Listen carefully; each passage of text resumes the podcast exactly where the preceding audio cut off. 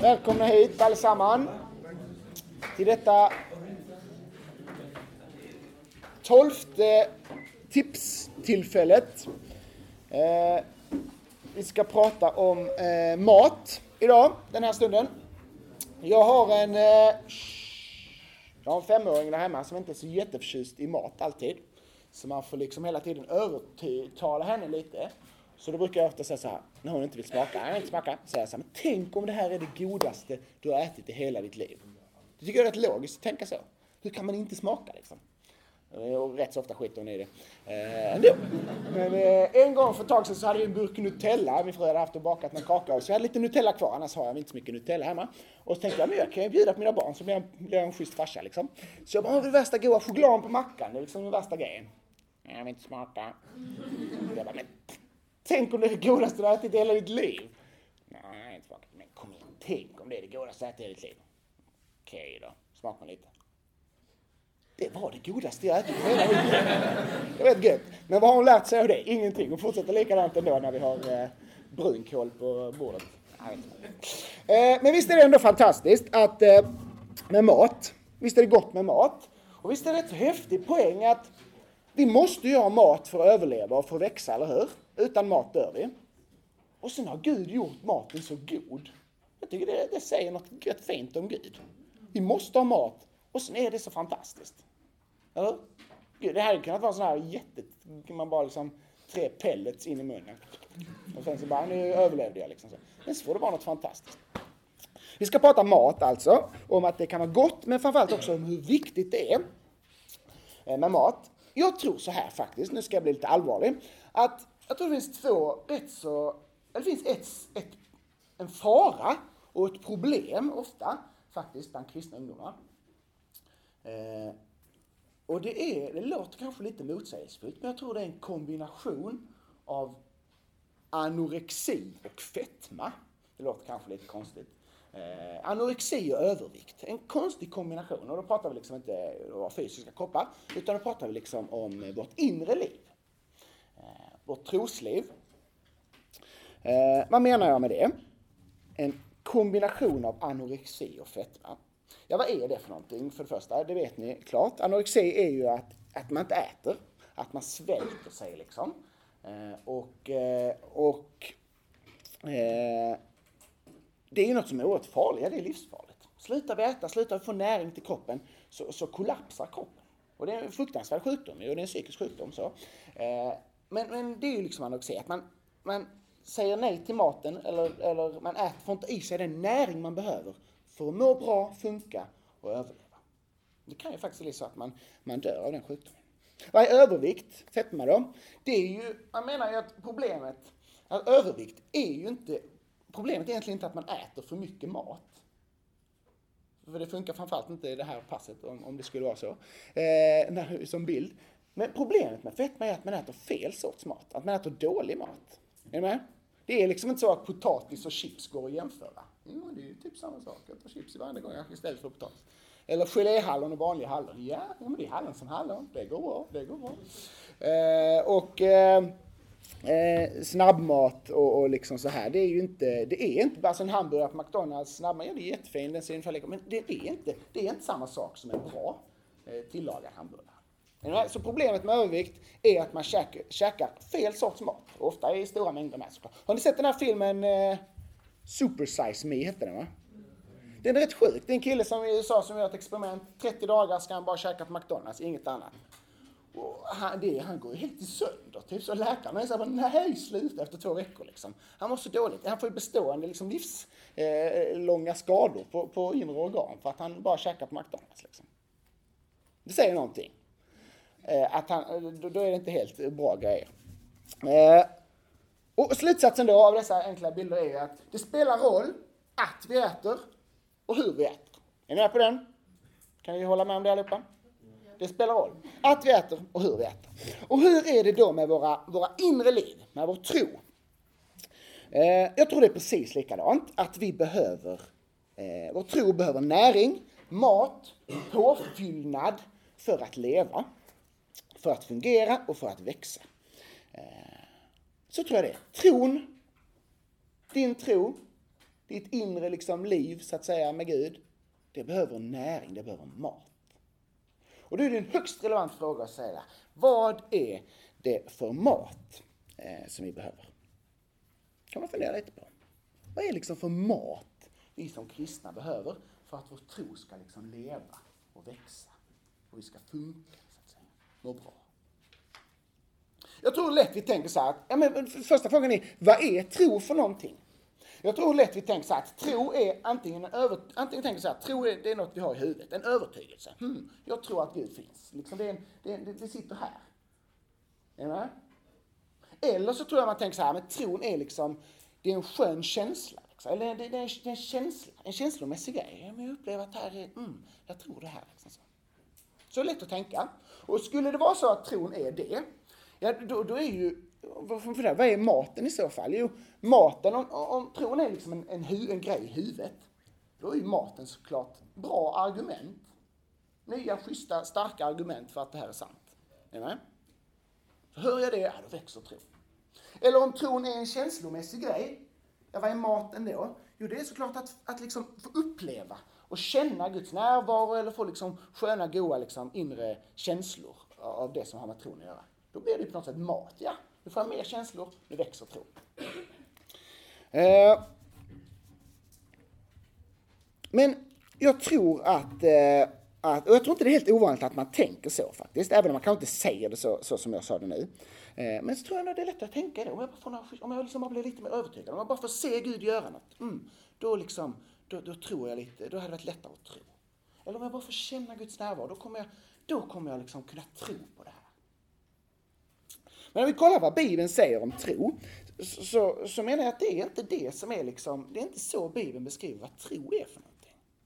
Och det är rätt så avgörande, för om vår tro då behöver mat, behöver näring, så är det rätt så eh, vettigt att veta vad är, vad är tron? Vad säger Bibeln att tro är för någonting? Är ni med? Här ska vi gå och läsa massa schyssta argument om kristen tro och yeah. Och så känner vi ändå att, men gud, liksom det, jag vet inte. Jag känner mig tom och, och, och, och, och fattig liksom i, i, i, i min tro. Eller man får värsta känslomässiga kicken liksom en lovsångskväll. Och sen ett halvår senare känner man ändå att oh, liksom, det känns rätt så torrt. Det är rätt så avgörande. Vad är det vi behöver? Så att säga. Jag menar så här, kollar man i Bibeln, vad Bibeln säger om, om tro, så finns det ett ord, och det har jag säkert sagt till en del av er förut, som jag tycker eh, fångar liksom vad tro är med bibelsk, i Bibeln. Och det är ordet tillit. Alltså tilltro, förtröstan, på att man litar på någon. Det är vad tro är, menar jag utifrån Bibeln. Att tro på Gud är inte bara, om jag tror att Gud finns. Sen står det i Bibeln att det gör de onda andarna också. De tror också att de vet, de är alldeles övertygade om att Gud finns. Men det är inte det vi pratar om, vi pratar om att tro på Jesus. Eh, och, och käns, känsla, det är klart det kan kännas bra ibland, men, men det är inte så att det är det som är tron. Det hittar ni rätt så lite om i Bibeln. Eh, nej, tro är liksom tillit, att lita på någon. Vi var i Halmstad för ett tag sedan och badade. Där finns en sån där häftig, vad heter det, äventyrsbad i Halmstad. Så har jag en treåring och vill hoppa från trampolinen.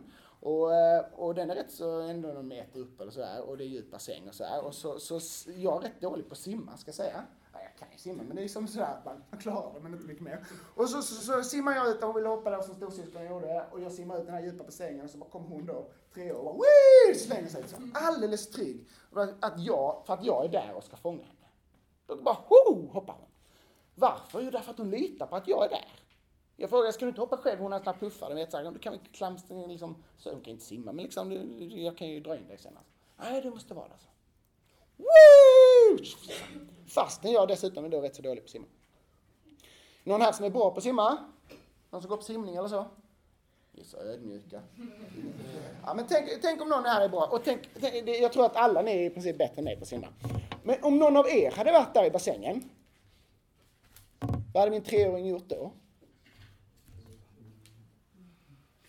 Inte för att ni liksom inte ser sympatiska ut va. Men tre år, hon, eh, Nora då, hon hade ju bara nej, nej liksom, det ska vara pappa. Fastän jag själv är sämre på att simma än vad ni är då.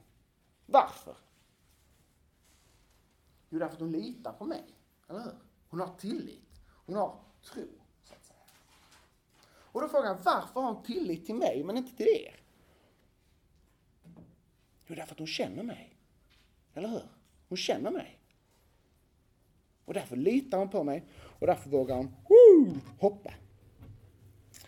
Eh, jag tror att kristen tro kommer, alltså det som tron behöver, det är att känna, lära känna Gud. Att upptäcka vem Gud är. Att se vem Gud är. Och därför är den viktigaste frågan i världen, hur kan jag lära känna Gud? Så att min tro kan växa. Vad kan jag liksom äta så att min tro inte blir anorektisk, om vi tar den bilden? Så att den bara tynar bort, försvinner sakta men säkert. Utan istället får fungera och växa och ge glädje. Jag vill läsa från Jesaja 55, det kan ni få slut på om ni har biblar med. Ett av mina favoritkapitel i Bibeln, om man får ha det. Jesaja 55. I rätt så i mitten av Bibeln, i Gamla Testamentet.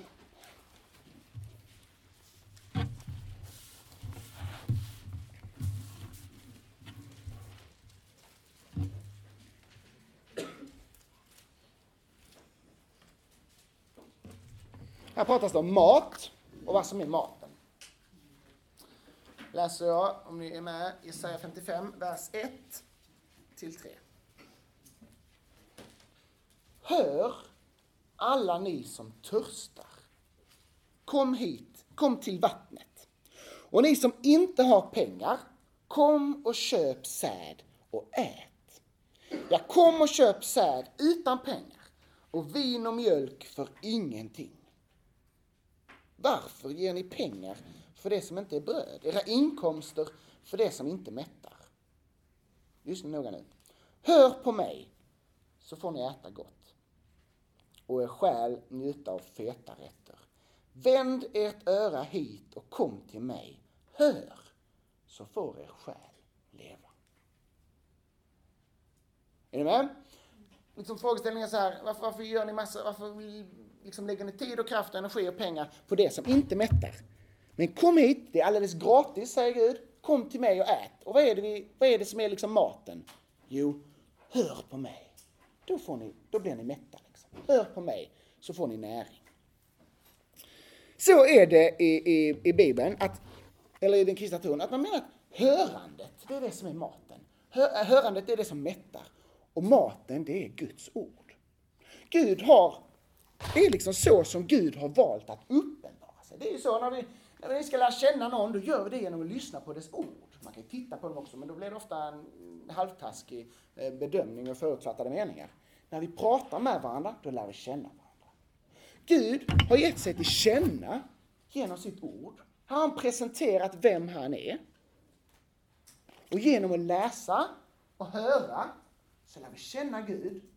Och när vi känner Gud, då litar vi på Gud, då vågar vi kasta oss på honom. Och det är det som är tron. Att vi liksom får vara trygga och övertygade och vissa och liksom eh, eh, fulla av förtröstan. En tillit till Gud. Så det är liksom Guds ord som gör det. I Romarbrevet 10 så står det så här att tron kommer av predikan och predikan av Guds ord. Återigen, vad är det som ger oss tro? Vad är det som gör att vi kommer liksom få en stark tro? Är det en skön känsla? Är det ett schysst argument? När Bibeln säger tron kommer av predikan och predikan utifrån Guds ord. Så när någon lägger ut Guds ord så är det som att liksom dela ut mat till oss. Jesus, han som också kallas ordet i Bibeln, han säger jag är livets bröd. Ät av mig så får ni liksom näring, då får ni kraft. Eh, tron är, liksom- man, jag brukar tänka så här ibland, att tron är liksom som ett levande väsen. Är det någon som har husdjur där hemma? Några husdjur? Gött. Hamstrar och kaniner och finkar och allt vad det är.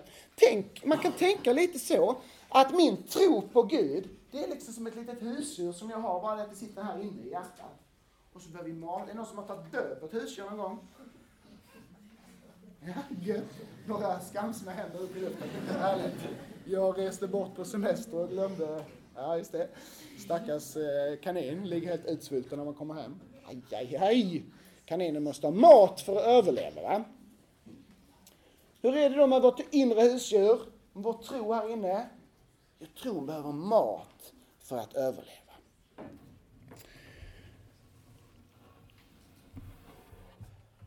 Är ni med på den här ordningen? För jag tror den är rätt så viktig. Tron, tro, det inre livet, det handlar om att lita på vem Gud är, att förstå vem Gud är. Och hur gör vi det? Genom, genom att lära känna honom. Hur lär vi känna honom? Jo, genom hans ord.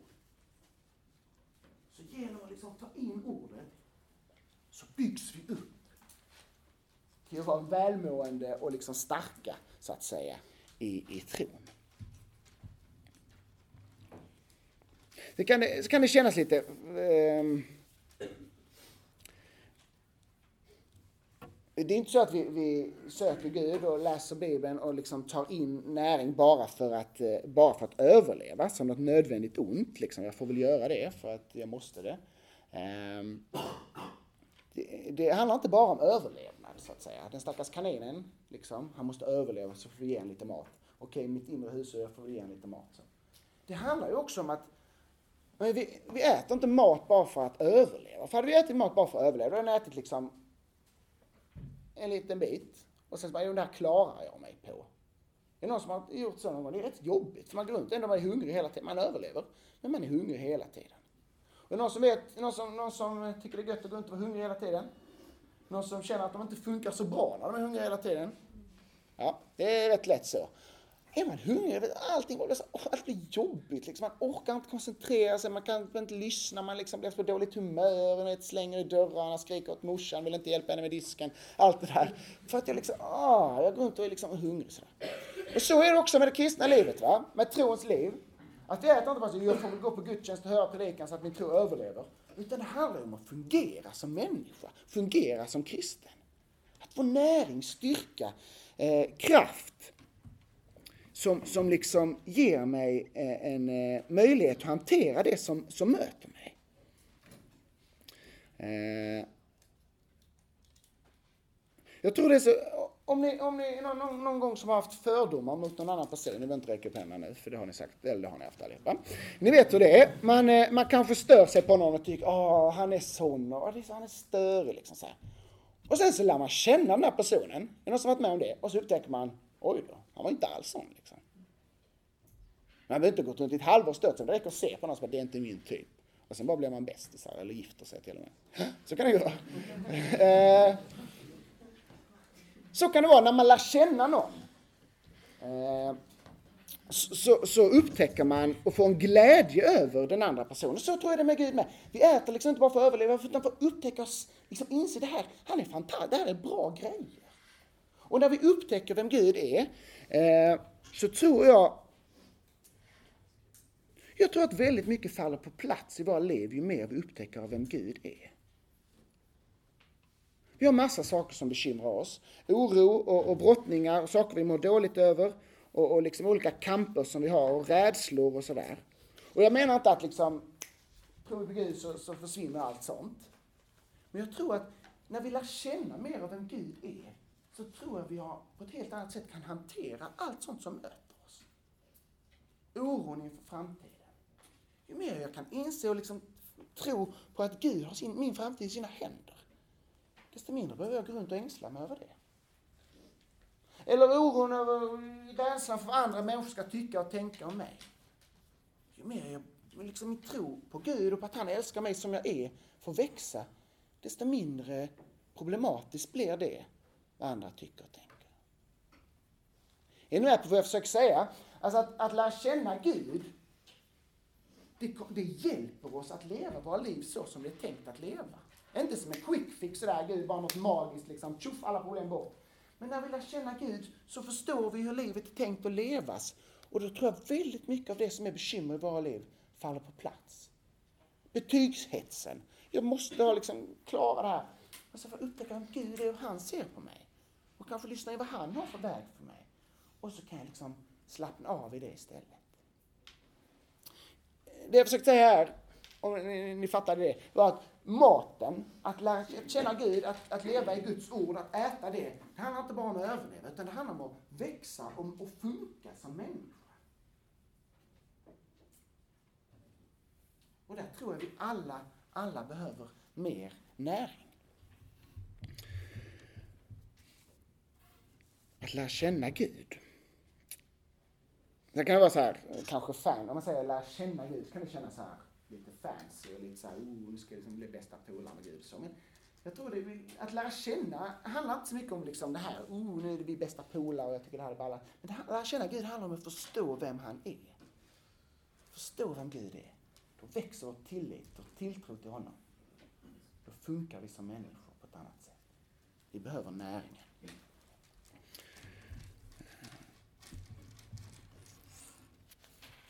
Anders läste här från Johannes 10 kapitel innan idag och jag vill bara göra det med för där är några eh, verser som, som eh, är, är viktiga.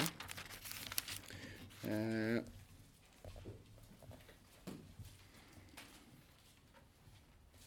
Mina får lyssnar till min röst och jag känner dem och de följer mig.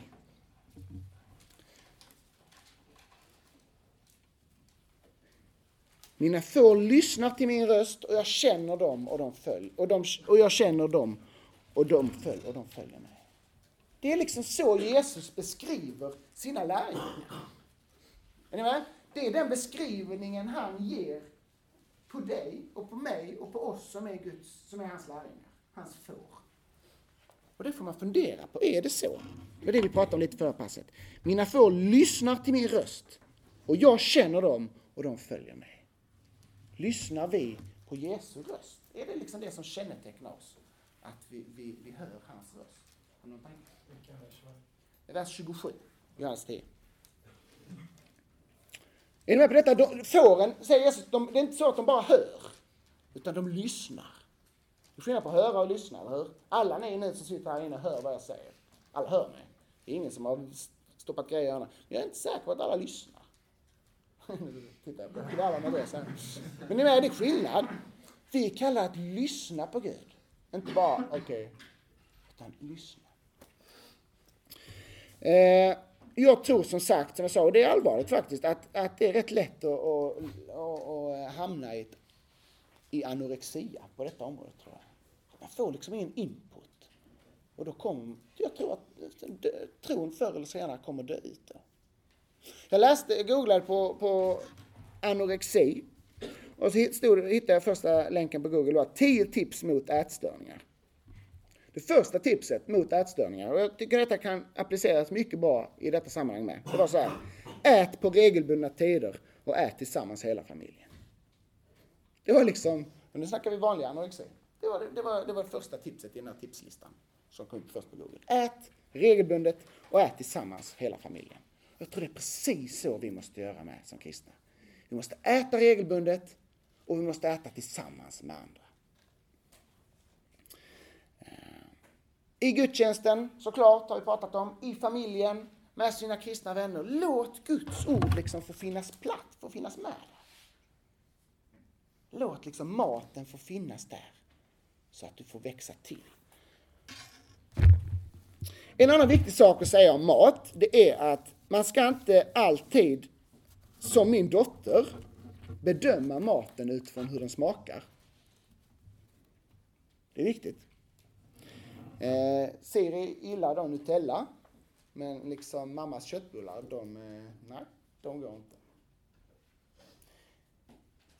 Det är ju faktiskt så att det är ju inte, det är inte så många av oss som käkar oxfilé varje dag, eller hur? Någon som gör det? Gött att se en rikemans barn här ibland. eh, även om jag tycker det är det godaste med oxfilé. Så, så, eh, så, och det tycker jag var gött. Det stod där i Jesaja 55. Kom och köp säd och kom och köp vin och mjölk. Vin, det är ändå lite fest va? Mjölk, det är rätt så mycket vardagsmat va? Det är det festligaste som finns. Eh, så är också den kristna erfarenheten när det gäller att läsa Bibeln, att lyssna på Guds ord, att ibland är det oxfilé och ibland är det havregrynsgröt. Ibland är det vin, ibland är det mjölk. Men vi kan inte som en femåring säga, att det inte är gott? Tänk att säga så varje frukost. Jag vet inte, är ni frukostmänniskor här? Jag är det inte. Jag är så bara, tryck in eländet, för jag behöver det. Liksom. En del är så här, frukost är det bästa som finns. Men man måste, måste ha näringen, för annars sitter vi där och är helt utslagna. Guds ord kan vara svårt, det kan vara klurigt, det kan vara så motstånd mot det. Det kan kännas som den här predikan gav mig väl ingenting. Då får du tänka, det där var havregryn, lilla, lilla kaninen här på insidan. Nu blir jag oxfilé någon annan gång. Och så klappar den bakom örat. Ibland glimmar det till. Guds ord får kännas levande och värmande och tröstande. Men rätt så ofta så är det frukost. Det är inte så ballt. Man måste bara bli mätt. Eh. Ja, men tänk på det. Sitt inte med armarna i kors när det blir, när det blir, när det blir havregrynsgröt. Lyssna till Gud ändå. Det är ju faktiskt så att den här havregrynsgröten gör ju, gör ju väldigt stor skillnad. Även om vi inte tänker på det. Även om vi tycker att det är bara att trycka ner det. Så är det ju ändå så att den, vi, känner, vi, vi tänker inte på hur liksom kraften går ut från havregrynen ut i våra celler och bygger upp dem, gör att vårt blodsocker pumpas upp och att vi liksom funkar. Det tänker vi inte på. Vi bara tänker in med eländet. Nu har jag väldigt låg syn här på Guds ord. Men, men ibland kan det kännas så. Det är inte så lattjo. Och vi märker inte hur Guds ord liksom bygger upp oss. Men det märks, det var det som Obben var inne på igår, det märks en enorm skillnad på den som käkar havregrynsgröt varje dag i ett år och den som inte gör det. Och den som gör det ett helt liv och den som inte gör det. Vi behöver näring. Sen ibland blir det oxfilé, men vi kan inte bara tänka att alltid ska vara oxfilé. Det märks väldigt stor skillnad om man inte äter. Eh, och ja, nu känns det jättedystert här, men det är faktiskt så att det är väldigt många som, som inte äter regelbundet. Och det är väldigt många faktiskt som därför också har en, får en tro som krymper och minskar och till slut dör. Det känns alltid tråkigt att säga så här, men jag har jobbat med ungdomsarbetet rätt länge nu och sett så många konfirmander, så många ungdomsledare, så många ungdomar gå igenom.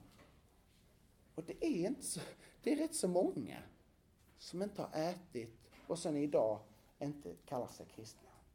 För de tänker kanske att ja, men det är en övertygelse i huvudet och den är ju kvar oavsett. Eller det är en känsla den kanske vi ser när den kommer. Istället för att tänka, jag behöver näring, jag behöver regelbunden mat. Annars överlever jag inte det här. Även den som är den mest övertygade. Även den som, jag vet folk som varit ungdomsledare, som har stått här framme och undervisat. Den som har glidit ifrån, kanske inte gått på gudstjänst, inte fått predikan, tyckt Bibeln varit lite för jobbig, kommit in i en period. Och sen så ett år senare så, så nej, det är inte så viktigt det här för mig längre. Och ytterligare några år senare så säger de, nej jag är inte kristen, jag tror inte på det där.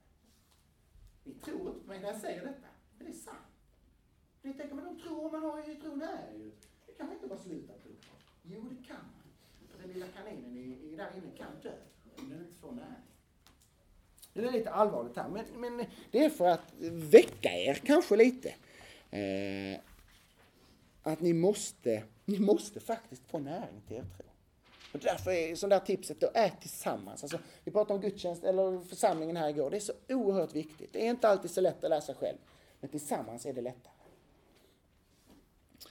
Så jag tror ni har fattat bilden av, av anorexi som jag pratade om, att vi, vi, kan faktiskt svälta ut vår tro. Så att helt plötsligt, så, det är inte så att man är medveten om det här, man bara, det tynar bort. Liksom. Vad menar jag då med, med den här kombinationen av anorexi och fetma? Eh, vad, vad innebär fetman då? Är det för att man kan få för mycket av Guds ord? Nej, det kan man inte. Det tror jag inte. Det är inte alls det det handlar om. Men det jag sa om fetma var, problemet med fetma är inte att för mycket mat, bra mat, utan det är för dålig mat. Och så tror jag det är. Om vi käkar på McDonalds varje dag, och så beställer vi in de här små, ni vet den här lilla morotspåsen som man kan köpa för att få lite bättre samvete. Oh, morot, bra, bra. Eh, och så vill jag ha plusmeny förresten. Dubbel plusmeny på pommes också. Så. Och så käkar vi den där morötterna. Hur blir det? Hjälper de där morötterna någonting? Ja, lite. Bra näring får du från dem. Men om du kör en extra meny med pommes och skit varje dag, så liksom kvävs på något sätt det goda och sunda av allt det osunda. Eller hur? Det är ni med på? Vi får inte gå på den niten. Köp morötter så är allting bra. Du kan käka en annan. Det går inte. Kan det vara så att näringen vi tar emot från Guds ord blir som en extra morotspåse i en plusmeny av skräp ibland? Alltså vi fyller våra liv med så mycket annat. Så mycket annat faktiskt skräp. Som påverkar vårt sätt att tänka, påverkar våra attityder, kompisgängs attityder, eh, tv-serieskådespelarnas liksom, attityder och, och förhållningssätt till livet. Att vi matar, och jag säger inte att mycket av det är inte, det är inget dåliga grejer, eller jo det kan det vara, men det är inget fel egentligen. Men om Guds ord liksom bara blir en liten morotspåse i detta hav av pommes frites, då kanske inte tron ändå får tillfälle att växa och ge dig den näringen som du behöver. Och då får vi ställa oss frågan, vad fyller du ditt liv med? Jag tror vi präglas mycket mer av det som vi möter än vad vi tänker. Det har vi pratat om dessa dagarna. Våga stäng av. Våga se upp för fetman, om ni förstår vad jag menar med det. Vill man undvika fetma så måste man dra ner på skräpkosten. Och vi kristna, jag tror att ni kristna ungdomar faktiskt är i ett läge där många av er tror jag behöver dra ner på skräpkosten och få upp lite mer av den goda kosten i era liv. Jag tror faktiskt det är så. Den som vill vara kristen 2017 måste ha mat och näring för att överleva och för att växa och fungera. Vi måste utsätta oss för Guds ord, läsa Bibeln, lyssna på predikan. Bra kristna böcker, läs det för allt i världen. Det finns folk som har gått före och skriver på ett sätt så att ni kan fatta. Det kommer lite reklam här, men ELU har en tidning som heter Insidan. Alltså det är sådana små saker, det är morotspåsar i vardagen som gör att du funkar, lever, att din tro får liv. Läs insidan. 17 februari, lägg det datumet på minnet. Då kommer insidan som eh, webbsida, webbhemsida. Ni kan läsa alla artiklarna på nätet direkt. Det blir nice. Ooh, yeah. Men är ni med på poängen? Alltså de här, de här morotspåsarna, leta upp dem. Läs er bibel, våga läsa även om ni känner att det är havregrynsgröt. Jobba lite med det. Läs det igen. Be. Be Gud om hjälp. Fråga en polare om hjälp. Fråga mig om hjälp. Fråga någon annan ungdomsledare om hjälp. Men var inte bara så här, nej, havregrynsgröt, mm, jag fattar inte. Och så låter ni det vara. Vi behöver, vi behöver näringen.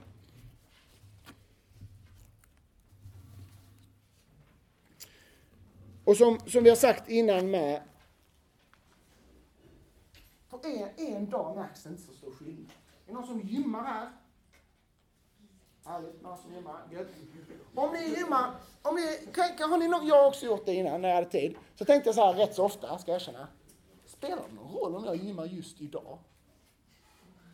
Någon som har tänkt den tanken någon gång? Eller är det bara jag? Bara jag. Okej, okay. och då kommer jag alltid fram till, nej, det spelar ingen roll om jag gymmar idag. Så jag tror jag låter bli. Ja, så kan man tänka. Men och det, det är ju sant på ett sätt. Om, nu, nu, om ni tänker nu att det är muskelmassan som är, är liksom det man vill ha, så skulle man kunna göra liksom en, en mätning då, ett år senare. Spelar det roll om du hade tränat den 17 november 2003 eller inte? Det hade inte gjort någon skillnad på muskelmassa idag.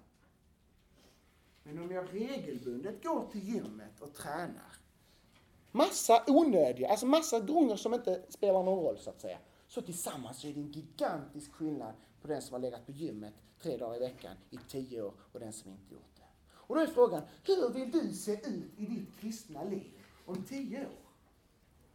Det är en, det är en skarp fråga till er. Hur vill du att ditt kristna liv ska se ut om tio år? För det gäller att äta i så fall. För att växa, för att fungera och för att överleva. Jag läser Jesaja 55 igen. Hör alla ni som törstar, kom till vattnet. Och ni som inte har pengar, kom och köp säd och ät.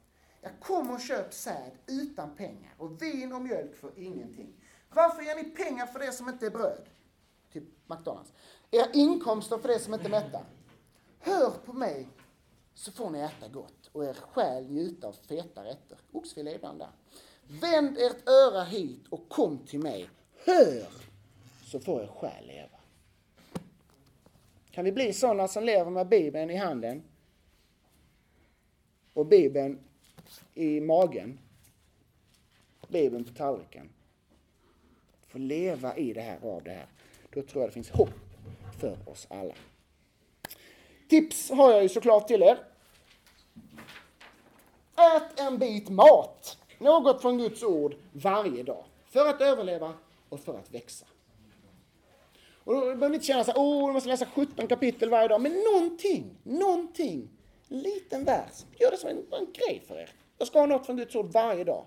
Sätt på en sång där han sjunger Guds ord. Lyssna på en, på liksom en, predikan på nätet, slå upp din bibel, någonting, en liten matbit från Guds ord varje dag. Och jag lovar att det kommer göra skillnad i ditt liv. Det var det tolfte tipset på detta läget. Ät en bit mat, något från Guds ord, varje dag. För att överleva och för att växa.